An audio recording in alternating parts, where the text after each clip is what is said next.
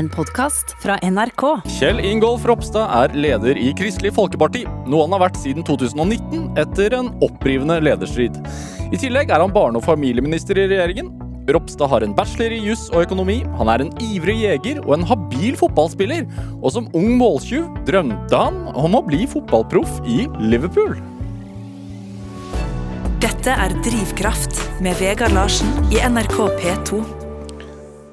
Det er eh, stortingsvalg i år, og derfor så har vi i Drivkraft invitert alle partilederne hit til meg, og i dag så er det din tur, Kjell Ingolf Ropstad. Velkommen hit. Tusen takk.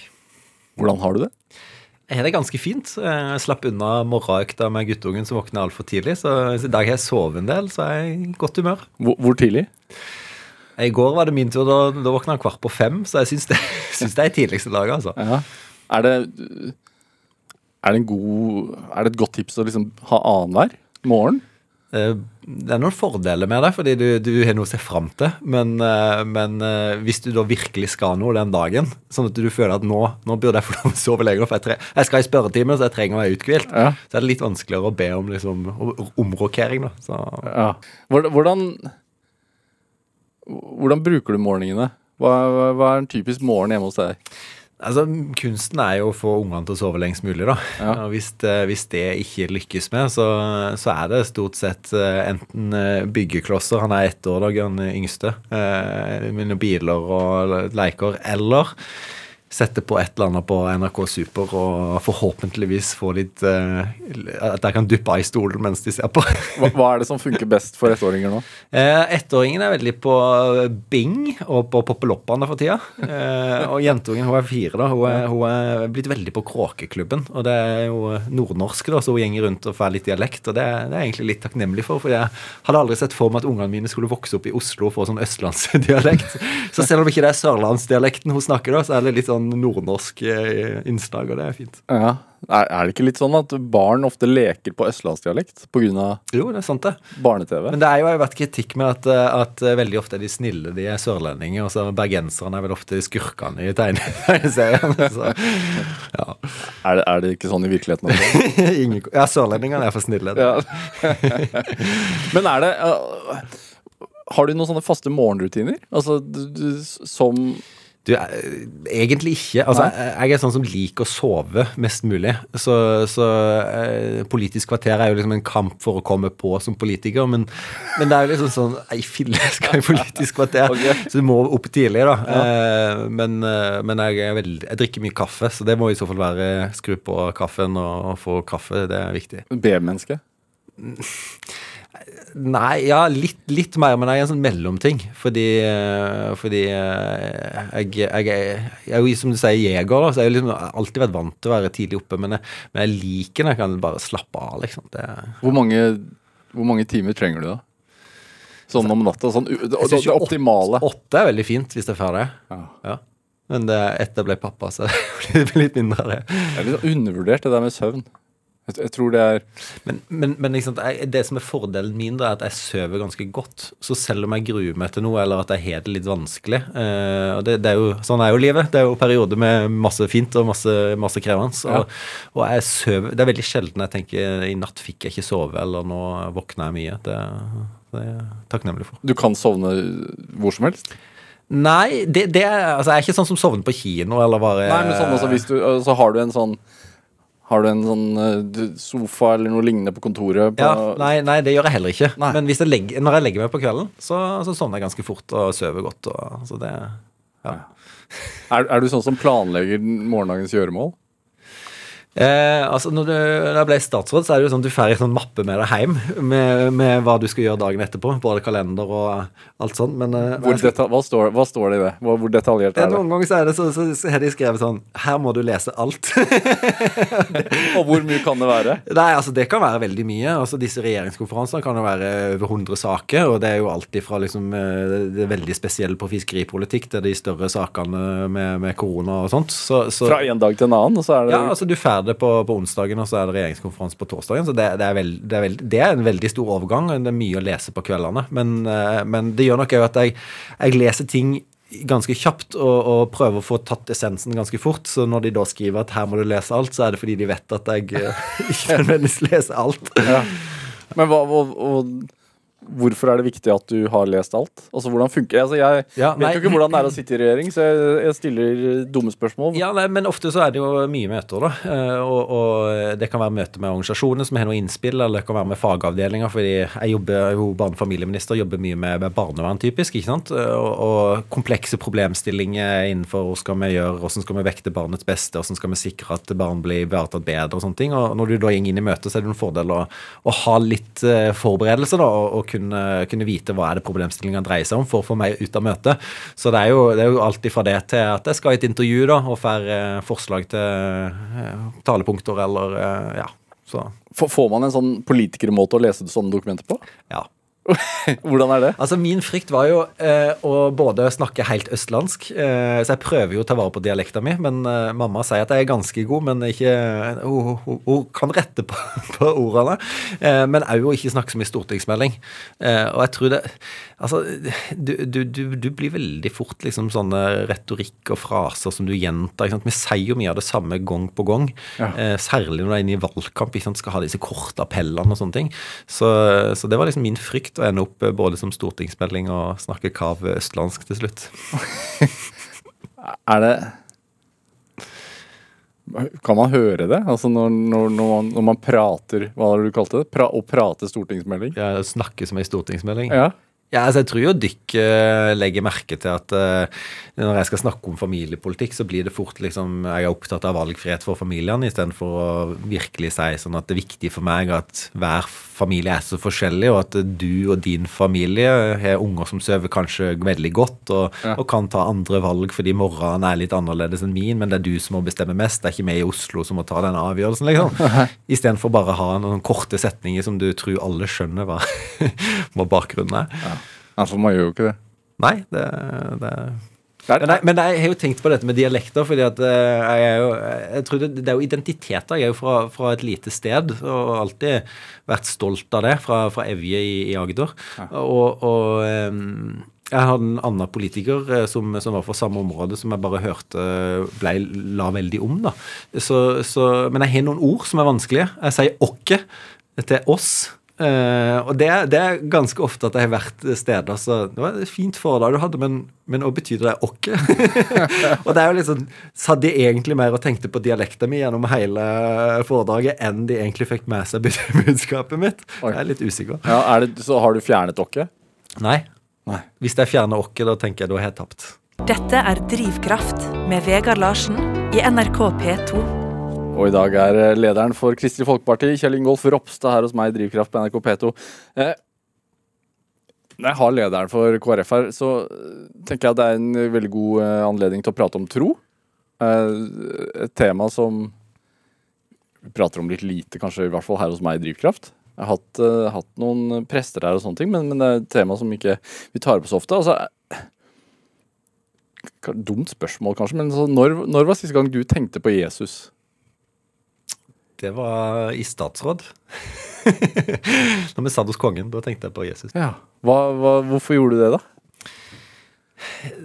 Nei, altså Det å få lov å komme inn i statsråd på Slottet er jo veldig spesielt. Eh, Det er en veldig overgang. Du sitter der minimum minimum da elleve statsråd som må være der, over halvparten av regjeringa. Så kommer kongen, eh, kongen inn, og du, du det, Alt er jo veldig rart, vil jeg si. Det er jo veldig flott seremoni, da, men du leser opp sakene som skal godkjennes av kongen til slutt. så Er det litt skuespill, liksom? Eh, nei, skuespill er det ikke, men, men det er jo en Du vil jo si at i et effektivt samfunn så er ikke dette kanskje den beste bruken av tiden, men det er en veldig høytidelig og veldig flott del av det. Så det er en seremoni, vil jeg heller si. Så når jeg har en sak som skal liksom til Stortinget, så må han innom kongen, og han må si ja vel til saken for at han blir godkjent. Ja. Så, så det er sånn typisk Han, eh, han begynner liksom bare på lista si, så leser han som Utenriksdepartementet. Og så hvis utenriksministeren har noen saker, så må hun gå opp med papirene og legge til kongen. Og så begynner hun å lese eller hvis jeg, da, så vil jeg si barne... Jeg vil si gode konge, det er jo min dialekt, da. Istedenfor Ja. Deres Majestet, så sier jeg gode konge. Eventuelt gode kronprins. Eh, Barnefamiliedepartementet har to saker. Eh, og sak én, og så leser jeg opp saken, og så sier han ja vel. Ja. Så, men Kan man si ja, altså, det verste er Kan han si nei, eller? Ja, han kan jo si nei. Kan han det? Eh, kongen har jo vetoretten, Ja. men det er ikke sikkert vi har en konge etterpå hvis han, hvis han hadde brukt vetoretten. Så det er vel mer, eh, mer sånn på papiret. Men det han kan gjøre, er jo å spørre ja, det var jo interessant. Hva betyr den saken? og da er det jo viktig som statsråd at du faktisk eh, har litt oversikt og kan fortelle kongen hva denne saken handler om. Har det skjedd? Eh, ja, altså det har jo skjedd at eh, ut, Det er jo viktig å ikke utlevere hva som skjer i statsråd, og det understreker kongen òg, fordi det er hans sin frie arena. da. Og det er hemmelig? Ja, ja. Eh, så, men, men det har jo vært, særlig hvis en statsråd ikke er der, og det er en annen som leser opp sakene, så spør kongen ja, hva, hva betyr dette for noe. Så, så kan han jo være litt på tynn is, og det har hendt at en ikke har klart å forklare kongen hva saken handler om, og det er veldig flaut. Hvordan, reager, hvordan reagerer kongen? Eller er det Han har veldig god humor. Ja, veldig, veldig, alle ser jo det. Han er jo en veldig flott eh, konge. Så, og kronprinsen òg. Så de, er- de, de er ikke, eh, blir ikke sure av det. Men, men hvorfor eh, fikk statsrådet deg til å tenke på Jesus? Ja, Nei, Poenget var jo egentlig at denne seremonien tar jo litt tid. Eh, så, så da var, jeg litt tid? så et kvarter, kanskje. Ja. Ti minutter, et kvarter. Det er jo ikke så lenge, egentlig. Men, men du sitter bare der og ja, venter på at du skal kunne, kunne gå ut igjen. Ja. Og da, da ble jeg sittende og tenke på Jesus. Hva, hva tenkte du da? Eh, nei, jeg tenkte vel egentlig mer sånn eh, I dag så hadde jeg tenkt for en flott eh, kronprins. Eh, og så bare jeg for han. Det, ja. Hva- Er det veldig privat, eller hva? Nei, altså eh, for meg så tenker jeg bare han, he, han og kongen og kongefamilien gjør en, en veldig viktig jobb, og de har veldig stort ansvar. Og det er klart, Jeg er veldig tilhenger av monarkiet, men det er klart, de fødes jo inn i jobben, så de har jo på mange måter ikke en De har et valg, men de har kanskje ikke et valg. Så jeg tenker veldig ofte på det ansvaret særlig da kronprinsen òg eh, har og vil få. Mm. så jeg tenker at han trenger styrke og visdom, og det ja, jeg, jeg takker veldig ofte for det, for jeg syns de er veldig flotte. Men hvordan foregår en sånn bønn? For meg så er det en samtale, da, Ja. egentlig. Så det, ja. Og det, jeg tror bare at det blir en sånn påminnelse òg, når jeg sitter der. Eh, takk for de flotte folkene som er rundt meg, og som, som virkelig bruker så mye tid på å gjøre samfunnet bedre. Og jeg vet hva det koster for eh, forhold og for unger og for eh, ja, de en er glad i. da, Med at uh, en bruker så mye tid på, på jobb, bruker så mye tid på å lese, bruker så mye tid på å reise. Uh, fordi en tror på noe og vil forandre Norge og verden til et bedre sted. Men, men jeg vet kostnadene òg, da. Så, så veldig ofte så takker jeg og tenker på det. da, og, og, og, og, og det å få hjelp og visdom i vanskelige situasjoner. Det, ja. Altså, det er på en måte din måte å sende gode tanker, da. Ja, det er kanskje det. Ja. Det er kanskje det. Men, jeg, men jeg tror jo òg på at det er Jeg tror jo på bønn. Så, så liksom, jeg tror jo eh, på, på en gud som er stor, da, og som har makt, og som, eh, og som har visdom, ikke minst. Så, så jeg tenker hvis vi kan eh, få drahjelp i vanskelige situasjoner og, og støtte, så, så er det veldig flott. Hva vil, du, hva vil du si når du sier du tror på bønn? Hva vil du si at bønn er? Altså, det er jo òg litt sånn Du kan kalle det en kanal, da, for å få enten det liksom, Hvis du leser i salmene, eksempel, så, så er det alltid fra liksom virkelig eh, Og du er jo klagesanger. Ikke sant? Du er virkelig nøden da, for å få ut liksom Nå trenger jeg hjelp, og hva er det her for noe, liksom? Til liksom virkelig takk, da. Eh, og det er jo kanskje det siste jeg er dårligst på. så at, eh, Etter jeg ble pappa, så har jeg sånn eh, Det å legge jentungen har jeg alltid syntes var veldig flott. For da, da takker vi Jesus for dagen. Og jeg spør henne liksom Hva vil du takke Jesus for i dag? Og ofte er det ingenting. Så jeg prøver liksom å minne opp at du er veldig heldig. Du vokste opp i Norge, du må, du må takke for noe. Men, men, men nå er jo sånn det kan være et I, I dag er det ingenting på Nei, altså, ja, men sånn er jo fireåringer eller toåringer som må ha vært. Men, men det er alltid fra Peppa Gris til, til farmor og farfar. Og, ja. Det, det, og det, det merker jeg jo på at de, de gjør jo perspektiv i livet, da. Fordi at eh, særlig hvis en sjøl føler at ting ikke går så bra, og, og som KrF-leder med dårlige målinger, så er det ikke alltid en føler en lykkes fullt ut. Eh, men allikevel kunne se eh, hvor mye det er å takke for, da. Eh, altså, ja, jentungen, du har ei seng å legge deg, du har kunne ete kveldsmat, du legger deg mett, eh, du får lov å gå i barnehage. Du, altså det, det, det er så mange flotte folk Eh, og jeg òg, ikke minst, får lov å være pappa, som får lov å være ektemann, som får lov å ha en kjempespennende jobb. Det er så uendelig mye å takke for. Og det, det, det, det, er klart at det har gjort iallfall noe med min sånn Det, det får meg til å få perspektiv. Barn får jo foreldre til å få perspektiv på ting. Ja. Hva er det har det lært deg mest? Ehm, jeg, tror jeg er litt mer tålmodig. Eh, For jeg tror sånn, bare sånn i, i, jobben min så er det klart at når, eh, når jeg ikke hadde barn eh, altså det, det er jo en tid når du var singel, veldig, veldig mye fin arbeidstid. Og så når du bare var, var, hadde kjæreste og ektefelle, da, så, så hadde du fremdeles veldig mye tid. Så det er klart at det, det er blitt mer effektiv og liksom, som den biten der. Men, men jeg tror alle disse små tingene, som, som bare det å få hverdagen til å gå opp, tidsklemma liksom I dag så Man skjønner jo ikke hva tidsklemma betyr før man får barn. Nei, altså få tøyet på, ikke sant? og når jentungen skriker og ikke vil ha, vil ha den fargen istedenfor den, og, og du, du virkelig må rekke for du skal ha et møte på, på jobb. Ja. Så, så jeg tror det er de type ting. Men, men jeg tror jeg, takknemlighet er et uh... Har du, en sånn, har du et Altså, jeg spør fordi at jeg er jo småbarnspappa selv. har, har, har du noen sånn hemmelig triks for å få, de, få på de klærne? Ja. Ja. Det, eh, det er jo kapp, kappleik er jo alltid Eller førstemann til å bli ferdig. Ja. Det er et, eh, et undervurdert triks. så, så, men, men jeg merker jo på at hun virker til å bli en dårlig taper, da. Fordi hun skal alltid vinne uansett. Men fordelen er at da, da, da går det fortere. Er det, er det arvelig, eller hvordan er du som taper? Eh, Jeg har nok vært en eh, en ganske dårlig Men ikke veldig dårlig taper. Men jeg har jo konkurranseinstinkt, det jeg. Ja. Så det Ja. Hvor kommer det fra?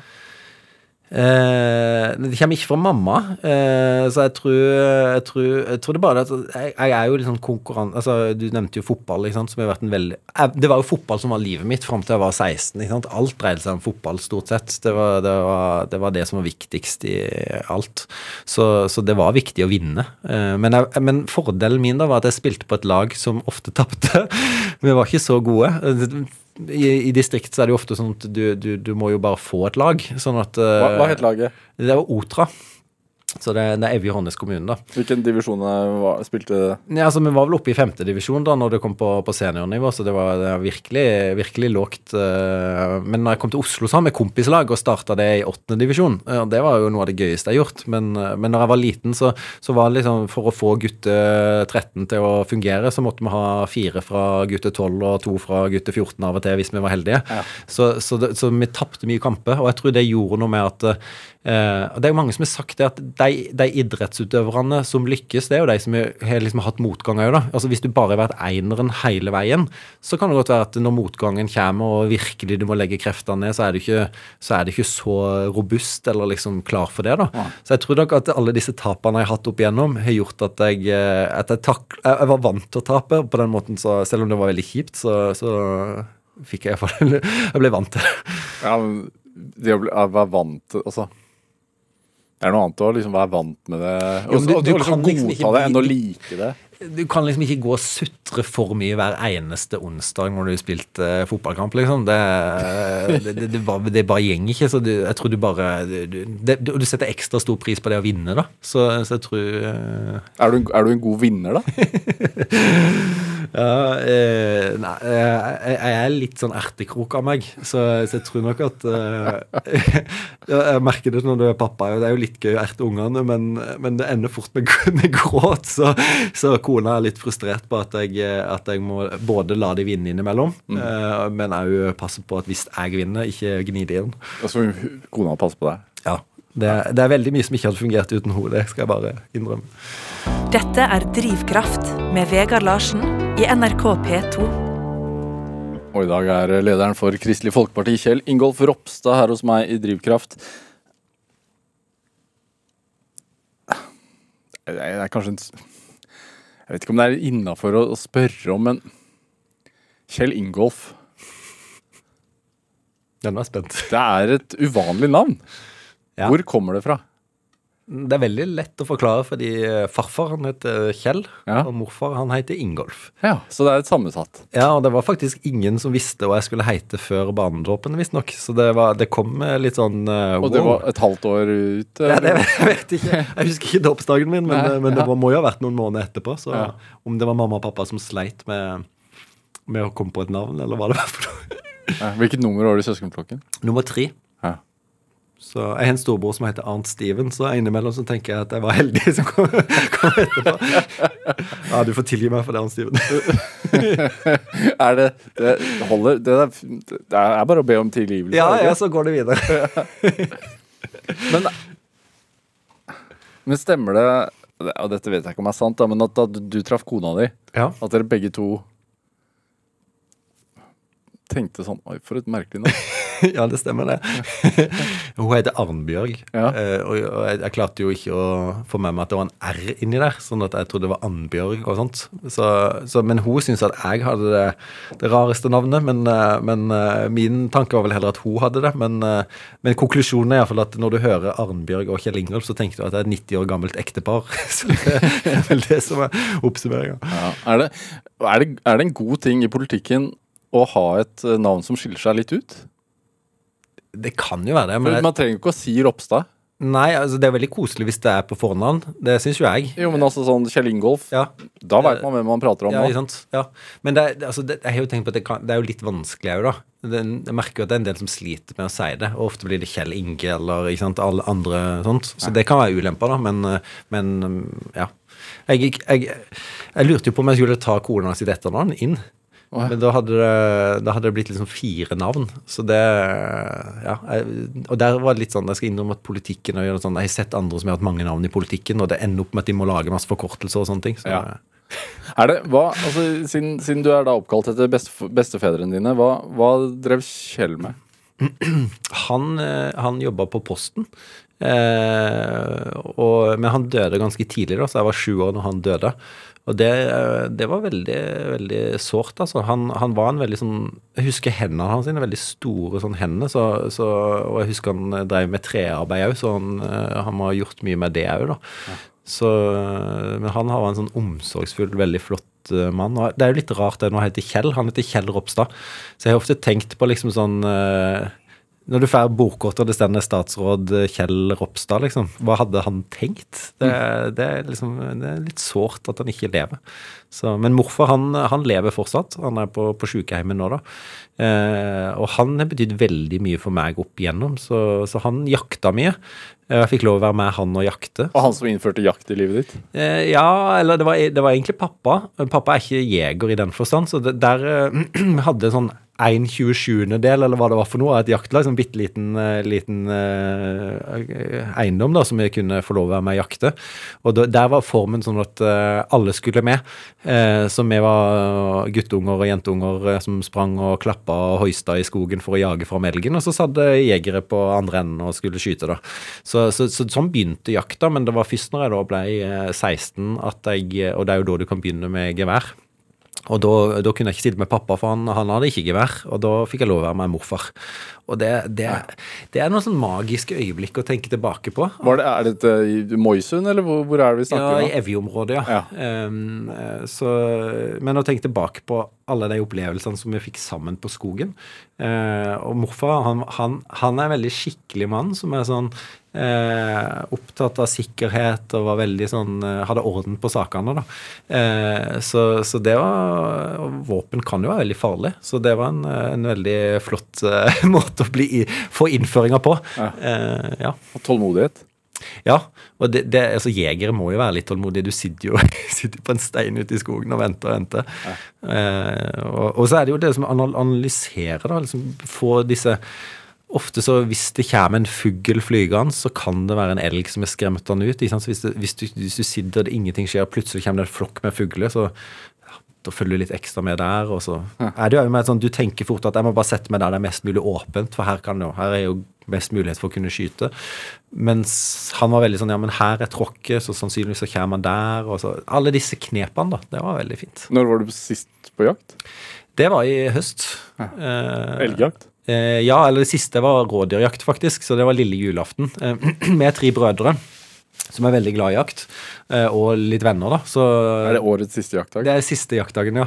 Eh, så til familiens eh, store frustrasjon så reiser vi på jakt eh, midt i julestria. Eh, men, men det er veldig fint, da. Hvor foregikk det? Det, det er jo hjemme, så det er på en, en av kameratene mine i oppveksten sin, sin eiendom. Så det, Ja. da- Men var- hvor snakker vi om heime, da? Hvor snakker vi? Ja, det er Evje. Ja. Evje ja. Hvordan ser det ut der? Altså, Hva slags natur og sånn er det? Eh, Den er Den er vanlig. Nei, det, er, det er jo mye skog, mye furuskog. Ja. Mye store myrer. Eh, disse oransje myrene som du ser på, på høsten. eh, og litt sånn småvann rundt forbi. Så det, det er ikke disse høye, bratte fjellene, men mer åser. Og Og, hvor i landet befinner vi oss? det er på Sørlandet. Indre Agder. Så Verdens navle. verdens navle. Er det Fikk dere rådyr, da? Eh, Nei, vi fikk ikke da. Men vi hadde god los, og det, det er jo halve moroa. da. Altså, det fungerer Rådyrjakt. Det fine med det eh, Vi, vi ga bikkje til storebror i bryllupsgave, da. Eh, Rådyrbikkje. Eh, og vi var veldig fornøyd alle med, bortsett fra Bortsett fra han? Eller han var hjemmefornøyd med kona, var ikke, var ikke så fornøyd. Endte faktisk med at på slutten så, så hadde lillebror eh, måtte overta bikkja, da. Men, eh, men den, den hadde veldig fint, og, og, og, og den bikkja er jo Den, den jager rådyrene. sånn, sant? Han finner lukta og finner rådyrene, og så springer rådyrene et par hundre meter foran uh, bikkja. Eh, så det å sitte og bare høre losen i sånn bjeffinga i skogen og følge med og prøve det, er, det gir veldig mye spenning og, og veldig kjekt. Men hvordan er det å Altså, jeg har skutt en fugl en gang, og det, det syns jeg var eh, Jeg likte ikke det så godt. Hvordan er det å skyte et ganske stort dyr, da? Uh, nei, altså, du, du, i hvert fall gjør jeg da, jeg kommer jo inn, Du kommer jo inn i en liksom sånn veldig konsentrasjon når du hører det knekke. Uh, Knekke, hva betyr det? Uh, en, en kvist Ja, ja, som, sånn. som brekker. okay, okay, ja. Ja, takk. Altså, du hører at dyret kommer. Ja. Så, så får jeg iallfall liksom, Pulsen kommer, adrenalinet kommer, og du går veldig inn i en sånn skjerping. Nå må jeg konsentrere meg. Og det vanskelige med jakt er at du skal se hvor gammel dyret er. Fordi hovedsakelig så skyter vi fjorårskalver, altså de er blitt ett og et halvt år. Ja. Eh, Og det å se om et dyr er ett og et halvt eller to og et halvt, eh, det er ikke veldig enkelt. Så du er veldig konsentrert på å se at eh, de har litt sånn lange hår i, i nakken, litt kortere mule, så, så du har en sånn kjennetegn du ser etter. Og, og, og, og da, er, da er det liksom bare om å gjøre å finne riktig sted, få stoppa elgen og få rolig og trygt skudd, da. Mm. Så, så jeg kjenner nok veldig på liksom ansvaret da, på at det, det må bli, bli riktig. At ikke du skal gjøre noe, verken skyte feil type eller, eller at det skal bli et feil skudd. da. Men, øh, men øh, hvis du tenker mer sånn overordnet med å faktisk ta et liv, så, så er det klart at eh, jeg vet jo veldig godt når du, når du er opptatt av dyr, og jegere, de er jo veldig glad i dyr. Eh, sånn at det handler jo om å forvalte stammen på en god måte, og konsekvensen av ikke gjort dette, det hadde jo vært at, eh, at de hadde dødd eh, naturlig eller fått sykdom og fått eh, altså, Så, så det, er ikke noe, det er ikke noe bedre alternativ. Men sånn Når du har sikte inne og, og skyter, er det adrenalin? Eller er det Hvordan føles det? Jeg tror ikke jeg tenker så mye. Jeg tenker, det, er bare full konsentrasjon. Men, men det er jo adrenalin i den forstand at det er, eh, du, det er jo en eh, Det er jo et, spesie, det er jo et viktig øyeblikk, liksom, eller avgjørende, og det, det, ting må ikke gå galt. da. Så jeg tror, tror alle er veldig skjerpa i et sånt, eh, sånt øyeblikk. Og så er det Er du stolt av når du kommer hjem med liksom Ja, det, men det, er, vet jo òg at eh, som regel så kommer en jo hjem uten bytte. så, så det er jo flaks at det er Eller ikke bare flaks, men, men ofte litt tilfeldighet til hvor eh, dyrene kommer. Så, så det er jo et lagarbeid òg på, Ja. på veldig mange måter. Men, men jeg tror liksom det er totalen. Altså det å få kommet seg ut i fri natur. Virkelig liksom få Altså, jeg slapper iallfall av på en annen måte. Bare, du, du kobler ut. Og så- stenger det. Ja, det gjør jeg, altså. Eh, Det er noen av mine beste stunder, fordi at eh, sant? når regnet er der og alt mulig, og du venter på elgen Du kan ikke sitte på mobiltelefonen og bare svare på den siste meldinga så du blir tvungen til å, til å koble ut.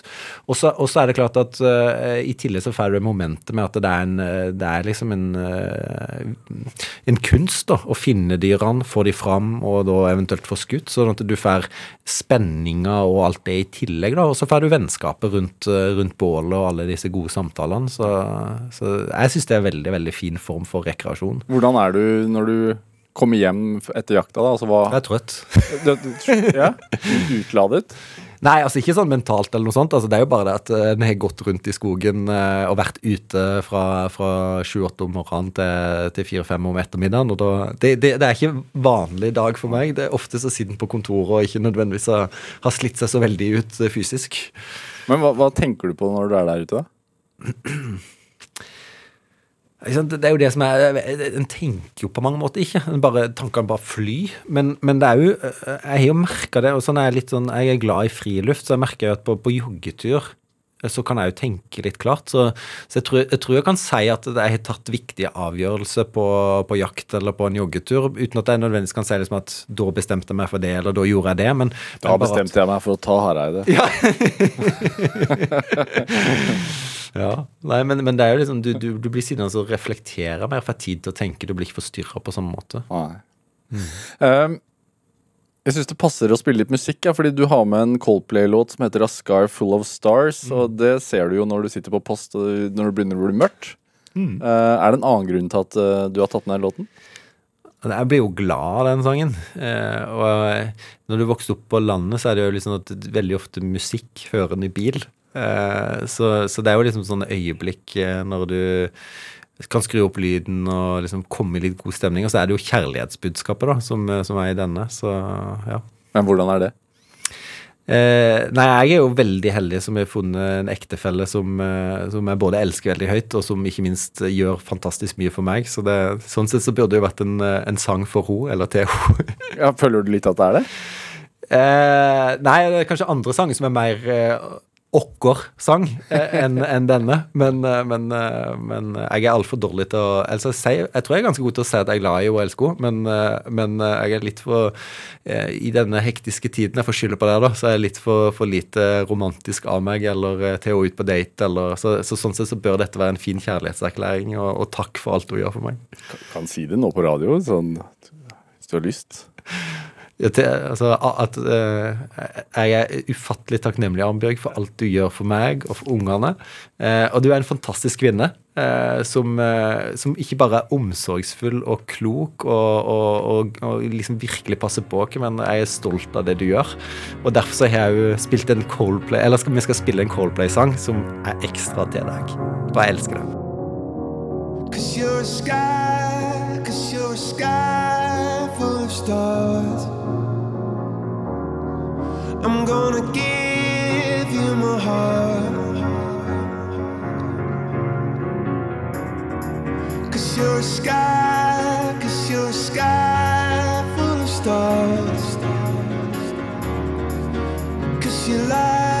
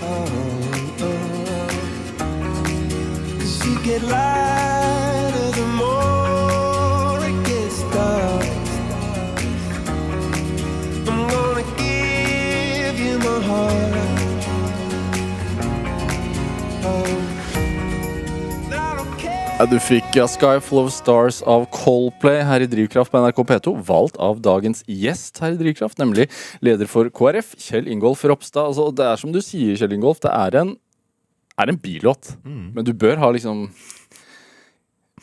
Jeg er jo fra Sarpsborg, og er, du bør ha basskasse. Men du har jo det når du er fra Sarpsborg. Ja. Du har jo det bak i bilen. Og du har det også hvis du er fra Moisund? Ja, det stemmer. Hadde, hadde, Hadde iallfall. hadde. Ja. Hva, hva var din første bil? Eh, Det var en Volkswagen Vento. Så det er en Golf med rumpe. Med basskasse. Er det sant? Og Wunderbaum. Og Wunderbaum, er det sant? ja da. Hva, så fint. Ja. Men man er, det er, man er avhengig av altså det, Man må ha bil hvis man bor der. Ja, altså Jeg hadde lett motorsykkel òg, da. Så, så istedenfor moped når jeg var 16, så, så Det er litt avstander og fint å komme seg fram, så jeg har alltid vært glad i det. ja. Er du glad i fart? Jeg kjørte nok litt for fort, ja. men, jeg, men det er vel eh, Ja, jeg, er glad i fart, det er jeg. Ja. Men jeg prøver å Jeg tror jeg klarer å besinne meg mer når det gjelder pedalen nå enn det jeg gjorde da. Men hva slags plass eh, er det du har vokst opp på som Moisund? Fortell hva, hva Det er jo et lite sted da, i en kommune som i dag vel har 3600 innbyggere, som var vel kanskje 200 på Moisund. da, Eh, Og i det byggefeltet som jeg kalte det, da, det, var seks hus, eh, som er ganske nærme elva. eh, Veldig trygt og godt. Veldig mange gode minner fra, fra den oppveksten. ja, Og faren din er altså politiker? Ja, altså han jobba i bank, eh, og så, så ble han ordfører da i, når jeg var 14-15 år. Ja, for KrF. For KrF, ja. Og, og moren din, da? Eh, Hun er lærer, og det har hun vært uh, hele tida. Så det er hun som holder kontroll på oss. Hva var det hva, hva, altså, hva slags hjem var det? Var det et politisk engasjert hjem, eller hvordan vil du si at Altså, dere var uh, fire søsken. eh, hva, og, hva var du opptatt av? Du sa jo tidligere at det eneste du ville, var egentlig å spille fotball. ja, ja det altså, altså, jeg var jo sånn overengasjert guttunge som var klassekontakt og elevrådsleder og sånne ting, så jeg, hadde jo på en måte den, den biten i meg. Og jeg tror, tror alle søsknene var veldig engasjert. altså Alltid fra fotballtrener til, til leder i ungdomsarbeid og kristent arbeid, og, og foreldre òg som, som tok ansvar da, på, på ulike nivå. Men samtaler hjemme altså, Jeg har tenkt mye over for det, altså, Ikke snakka med sånn enormt mye om tru, og ikke snakka med enormt mye politikk heller, men, men det er klart at vi, vi, altså, ting er jo politikk allikevel. Og, og, og særlig mamma, vil jeg si, har en veldig sånn rettferdighetssans og var veldig opptatt av at eh, Jeg tror nok hun hadde den liksom eh, Hun var opptatt av å formidle at vi hadde det veldig godt. Så selv om, selv om vi nok hadde det ganske trangt økonomisk i oppveksten, og når du har fire unge som, som er veldig aktive, så, så husker jeg jo det at det var ikke, det var ikke mer enn det måtte være i, i oppveksten. Så var de veldig opptatt av å dele. Eh, og veldig opptatt av, av at, at ting skulle være rettferdig, og, òg hjelpe de som trengte det mest. Hvordan merket du det, da? At det var viktig? Nei, det var jo alltid fra at vi, vi hadde liksom eh, misjonsbøsser eller, eller inntekt til fattige, eller, eller eh, opptatt av at eh, vi måtte gi noe vekk òg, da. Eh, og, og det var aldri noe sånn som at eh, med pisken at nå må du gjøre det, men det var liksom å framelske liksom, og ha, prøve å få en forståelse i oss for at, eh, at vi har det godt. Men det var òg liksom behandling av venner og sånne ting, da. At uh, de var nok veldig opptatt av at vi, vi skulle kl klare å involvere, inkludere. Da. Så, så det, vi har alltid vært en veldig åpen heim, da. Uh, og, og kanskje litt rotete.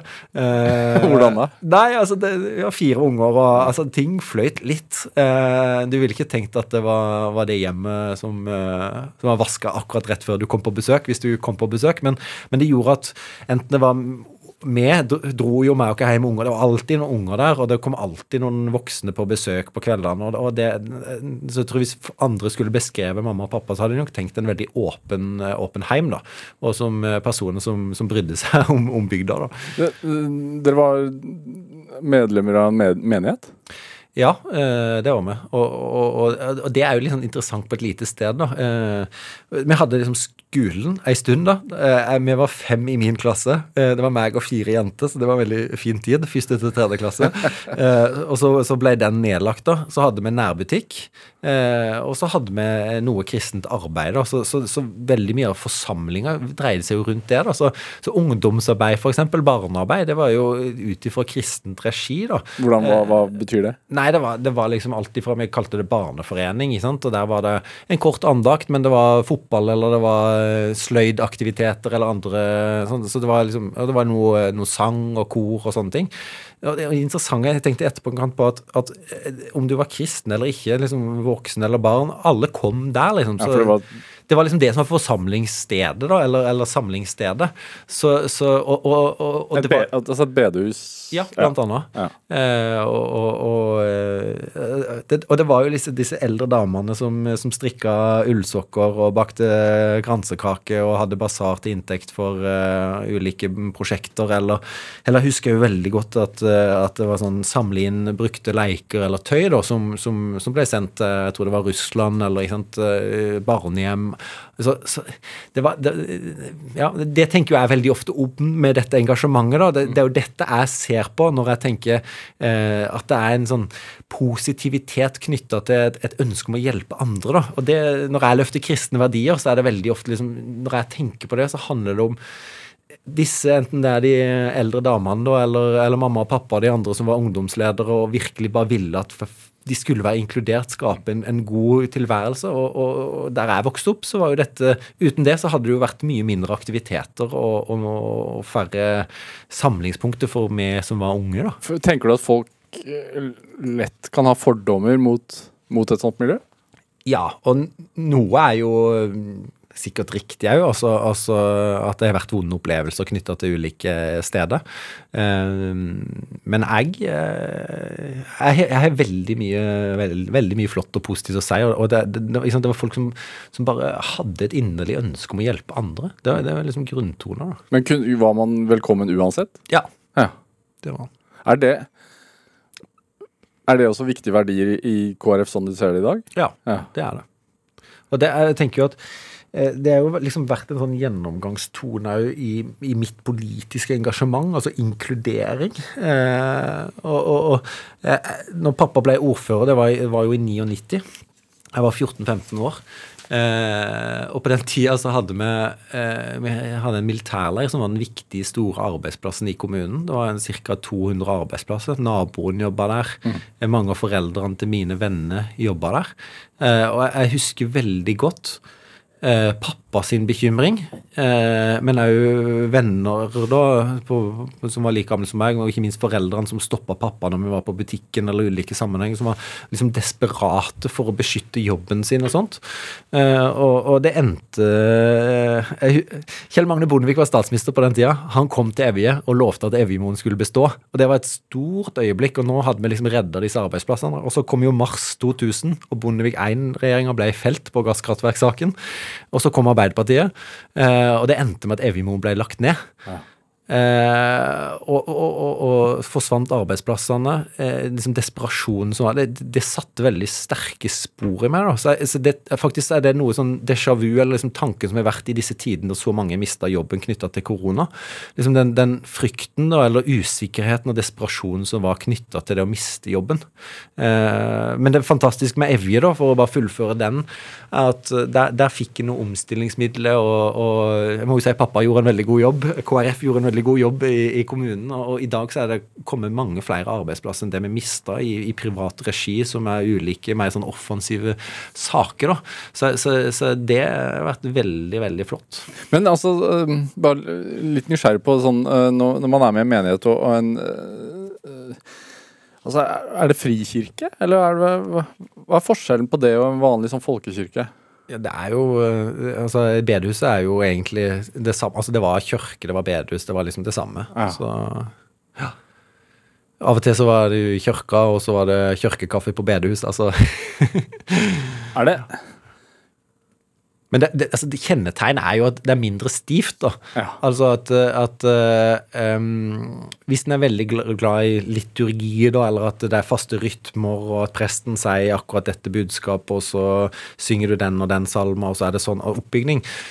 Eh, På bedehuset så er det jo, eller i de sammenheng, frikirkelige sammenheng, så er det jo mye mer eh, lav terskel. Da, sånn at en synger noen sanger og så en tale. Så det er jo mindre stivt, da, vil jeg si. Hvilken plass har menigheten i livet ditt i dag, da? Eh, akkurat nå er det jo dessverre litt sånn at vi ikke kan samles pga. korona. Men, eh, men vi har digitale både barnekirke og, og gudstjenester. eh, Og, og det, det er jo en veldig flott sted å samles som familie. Så for, for oss så betyr det, det mye med flotte venner der. Og, og det er en, jeg vil jo si det er en sentral plass i livet mitt. da. Ja. Er det den Oslo-basert menighet? Ja, det er det. Hva heter den, da? Den heter Oslo misjonskirke Betlehem. Hva står den, altså, hva står den for? Ja, Misjonskirke altså, Ja, hva, hva stender det egentlig for? Det er jo egentlig Av og til så sier jeg litt sånn spøkefullt at det, det er litt sånn, sånn lavkirkelig møte enn en pinsevenn eller et eller annet som er mer karismatisk. Så det er, det er rom for alle, liksom. Så, så Noen vil kanskje si litt sånn at den ikke er så teologisk bevisst. da. Det er noen som blir sure hvis det, når jeg sier det, da, men, men, men Hva betyr det, da?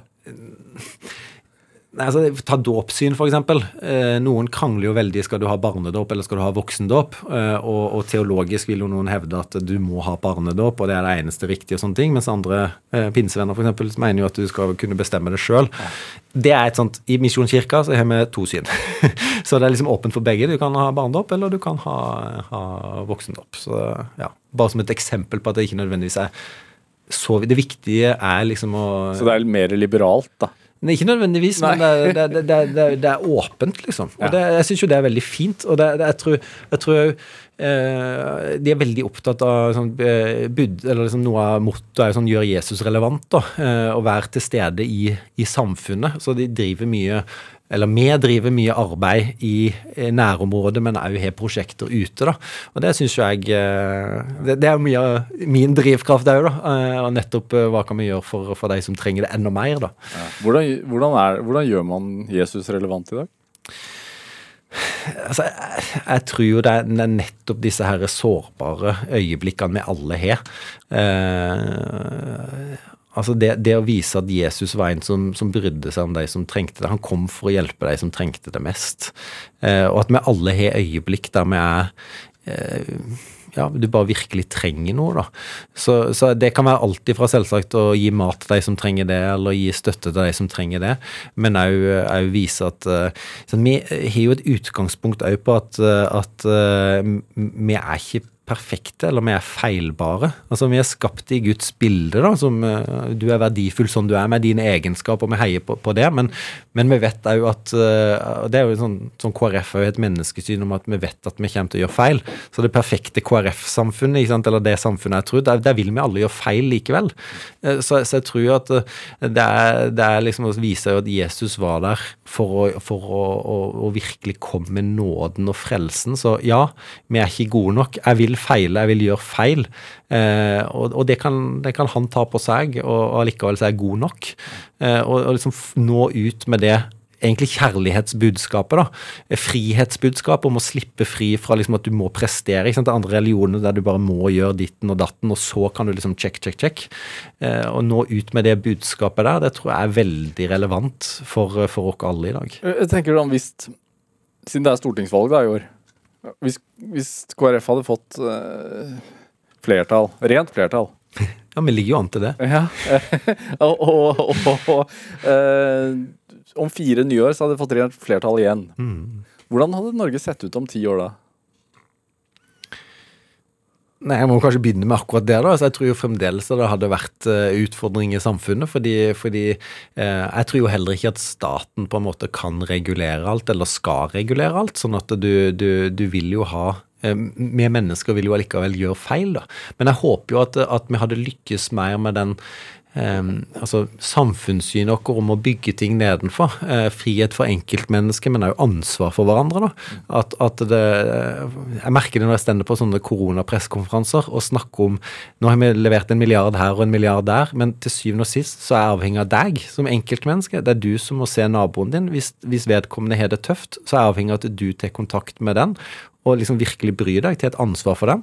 Så jeg håper jo det er et samfunn der vi alle til ansvar for hverandre i større grad. da, Bryr oss om hverandre. Men hadde det vært flere eh, Hadde det vært noe vinmonopol igjen? ja, det hadde det. altså, det, det. KrF er jo faktisk eh, Vinmonopolets største forsvarer. Eh, det var kanskje ikke alt. Selv, selv med rent flertall i, i, i ti år? Ja, Ja, men Ja. altså, altså jeg, jeg tror jo at forbudslinja ikke ville båret fram. Men det hadde ikke blitt eh, vin i butikk. Det hadde det ikke. Eller Nei. på bensinstasjon. Det hadde det ikke. Og det, og det er jo altså, en grunnholdning om å ta vare på Altså at vi som klarer å håndtere eh, ulike ting, eh, kan ofre litt mer for at de som har store utfordringer med det, eh, skal, skal kunne, kunne tas vare på. Da. Altså solidaritet med dem. Det er jo en grunnholdning i, i KrF sin politikk. Er det noe så, altså Kanskje en fordom, jeg tenker sånn hvis dere hadde hatt all makt, så hadde ting, mer ting hadde blitt forbudt, hadde jeg tenkt. Men det, er- det stemmer kanskje ikke? Nei, altså vi har jo tro på forbud på ting òg. Altså, det, det men, men jeg tror nok at at eh, det, det, altså, Hvis du tenker hovedsakene for KrF, så er det jo veldig mye på, på mitt felt med barn og familie. da, Så jeg tror jo nettopp dette om å heie opp altså mer eh, mulighet til å kunne ta valg eh, i familien, da, altså At familie kan komme foran arbeidslivet i større sammenhenger. Eh, løs dette Jeg tror, tror ikke jeg hadde kommet unna tidsklemma da heller, men også, altså at vi hadde litt mer tid til hverandre og tid til det viktigste. Eh, for det er jo sånn Jeg merker jo at eh, denne bakgrunnen min da, med, med pappa sin eh, måte, håndtering av arbeidsledighet og viktigheten av å skape nye arbeidsplasser, gjør at jeg òg Jeg snakker mye om næringspolitikk. liksom Viktigheten at vi har en jobb å gå til, en bedrift. Men så rent sånn praktisk, hva det betydd? Nei, det, det, hva tenker du? Nei, i forhold til liksom barn og familiepolitikken og Altså, jeg tror jo at for eksempel frihet, foreldrepermisjon ville du hatt mer frihet til å kunne bestemme sjøl. Ja. Eh, du ville hatt eh, kontantstøtte og trygge, gode barnehager som du kunne velge mellom. Jeg ivrer jo for litt mer frihet òg til å kunne jobbe litt mer deltid hvis du ønsker det, og òg med fedre, sånn at du kan At det ikke bare er kvinner som, som gjør det. Så, så liksom, den type ting, å bestemme mer av disse spørsmålene sjøl. Eh, men det, det hadde jo betydd mer overføringer til barnefamiliene. For jeg tror jo, jeg tror jo noe av det aller viktigste er jo at du har sterke, gode familier. Og jeg merker at jeg jobber mye med, med skyggesida, da, eller eh, utfordringene med de ungene som vokser opp i familier som, som er dysfunksjonelle, eller som trenger hjelp. Eh, og det er klart, jo mer vi kan forebygge, da. Eh, så, så jeg, jeg Kona mi, som er veldig, veldig glad i, hun er jo sosionom, så hun har tatt meg med på Jeg tror vi har vært på fem samlivskurs. Eh, og, og, og det trenger vi. Eh, Det å snakke om forhold og liksom jobbe med problemene og utfordringene som, som vi alle har, det, det har vi alle. Hvorfor har dere vært på fem? Altså, Nei, altså, eh, altså Det er jo forebygging. Altså, Så, så poenget mitt er jo et, et samfunn som kan forebygge og snakke om og bygge, gi verktøy til, til partner eller til, til kjærester eller til ektefeller til hvordan kan du håndtere disse utfordringene. hva gjør man på et samlivskurs? Du får mange gode tips til hvordan du så, Istedenfor at jeg bare blir sur på deg, så kan jeg si når du sier det, så kjenner jeg at eh, dette gjør dette med meg. Og, altså alle disse tingene, da. Eh, men, men først og fremst så er det jo eh, to personer som snakker sammen, så det er ikke denne Nå skal jeg snakke om sexlivet mitt foran 20 andre personer, som noen tror. Det handler jo om, om å få tips til hva du kan gjøre bedre, men ikke minst det å stille hverandre spørsmål, da. Som iallfall vi er litt for dårlige til. Eh, jeg vet ikke hvordan du er med, med, med din, eh, din frue, men, men, men veldig ofte så tjener en seg ikke tid til å egentlig spørre hva, hva, hva syns du er krevende akkurat nå, eller hvordan syns du vi burde gjøre den logistikken annerledes, eller sånt. Og det, det bruker jeg helg sammen, f.eks., til bare å snakke om forholdet. Det er, det er en veldig god investering. Er det beste, altså, er det, det beste tipset du har tatt med deg? Altså som, som du vil anbefale folk å gjøre? Ja, altså jeg anbefaler det veldig, og, og vi har jo brukt eh, mye penger for at flere skal kunne gjøre det. Og de utvikla en egen app eh, som, eh, som, som Bufdir har vært med å utvikle, da, som, som er jo en samlivsapp da, for å kunne ha akkurat disse spørsmålene. Tenk, tenker du at, Det er jo lav terskel, da, så det bør være enkelt å kunne gjøre. men tenker du at folk kan gi liksom litt, for lett opp? Nei. Nei. Eh, jeg tror, jeg tror Eller altså, jeg tror, jeg tror jo at det er noe av det vanskeligste for alle eh, hvis, det, hvis det skjærer seg. Så, men jeg tror, inkludert meg sjøl, så tror jeg jo at en tar litt for lett på det.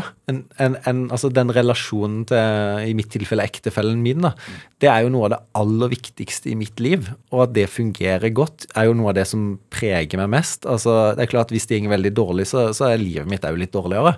Eh, så, så det at vi bruker litt mer tid og investerer litt mer i forholdene, det tror jeg gir veldig god avkastning. Men det, det, denne appen du snakket om, Ja. hva er det, er det Ja, nå husker jeg ikke navnet på den. Nei, men. Er det i kristen regi, Nei, nei, nei, disse den- kursene, den- eller er det Nei, nei. det, er, det er vel to perso eller eh, psykologer som, eh, som har vært med å utvikle den, ja. og, og Bufdir som, eh, som er den eh, vel med litt finansiering. da.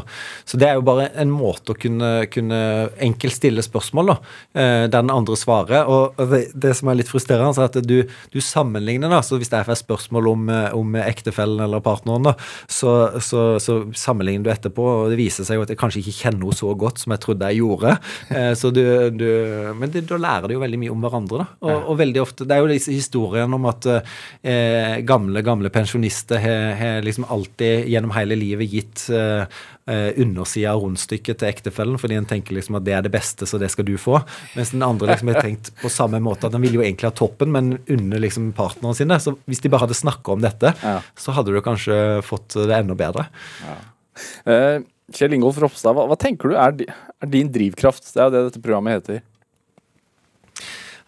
Altså, jeg, jeg har jo sagt litt om disse, disse små tingene som har prega meg. Jeg tror liksom dette med inkludering, det at folk skal kunne ha en jobb å gå til, at den skal skal hjelpe de som trenger det mest. Det har liksom vært utgangspunktet. Men, men jeg har jo en sånn episode i livet som virkelig bare forandra perspektivet mitt. da, eh, og, og gitt denne oppveksten eh, med fotball og jakt og litt bil, da, eh, så var jeg nok ganske selvsentrert. Så når jeg var 17-18, så fikk jeg lov å reise til Uganda. Første besøket mitt, midt i Afrika og, og Kenya. Og jeg husker jeg var i slummen og møtte en som var like gammel som meg. Han heter Elton John, eh, også et eller annet afrikansk i tillegg. Eh, og vi sto og diskuterte framtida. Jeg, jeg var akkurat i det tidspunktet i livet der du liksom Skal jeg i militæret? Skal jeg folkeskole? Skal jeg begynne å studere? Hva er det liksom, hvor skal jeg studere? Så vi diskuterte liksom disse spørsmålene, og jeg spurte han hva han hadde lyst til å bli. Og han svarte han hadde lyst til å bli lege eller advokat. Eh, og jeg bare Yes! Ja, heia, heia, liksom. Det er så bra. Det er utdannelse Afrika trenger, og, og, og ja, virkelig gjør det. Så spurte jeg hvor langt er du kommet på skolen nå, og, og svaret var at han hadde ikke begynt på skolen. Eh, Og da, eh, om det var ordene til mamma som kom liksom inn i meg igjen, altså, altså, da, da satt jeg bare og tenkte på Fy søren, så godt jeg har det. Eh, og så, så, så lovte jeg meg sjøl, jeg sa til meg sjøl at jeg skal bruke mitt politiske engasjement, vet du var en KrFU-tur, da, til, til å få mer rettferdighet i verden. Eh, Så det, det har liksom vært sånn som, faller tilba som jeg faller tilbake igjen til òg, når, når noen spør hvorfor engasjerer du deg? Jo, altså det er jo litt dette her, da. At, at den urettferdigheten som er i Norge? Jeg jobber masse med hvordan kan du inkludere de aller fattigste i Norge, hvordan kan du gjøre, bryte disse onde spiralene med at det går i arv og sånne ting, og hvordan kan du lykkes med å, å gjøre noe med fattigdommen i verden? Det er vel kanskje det som er mye av gnisten, da. Og drivkraften. Tusen takk for at du kom hit til meg, Kjell Ingolf Ropstad. Du har hørt en podkast fra NRK. Hør flere podkaster og din NRK-kanal i appen NRK Radio.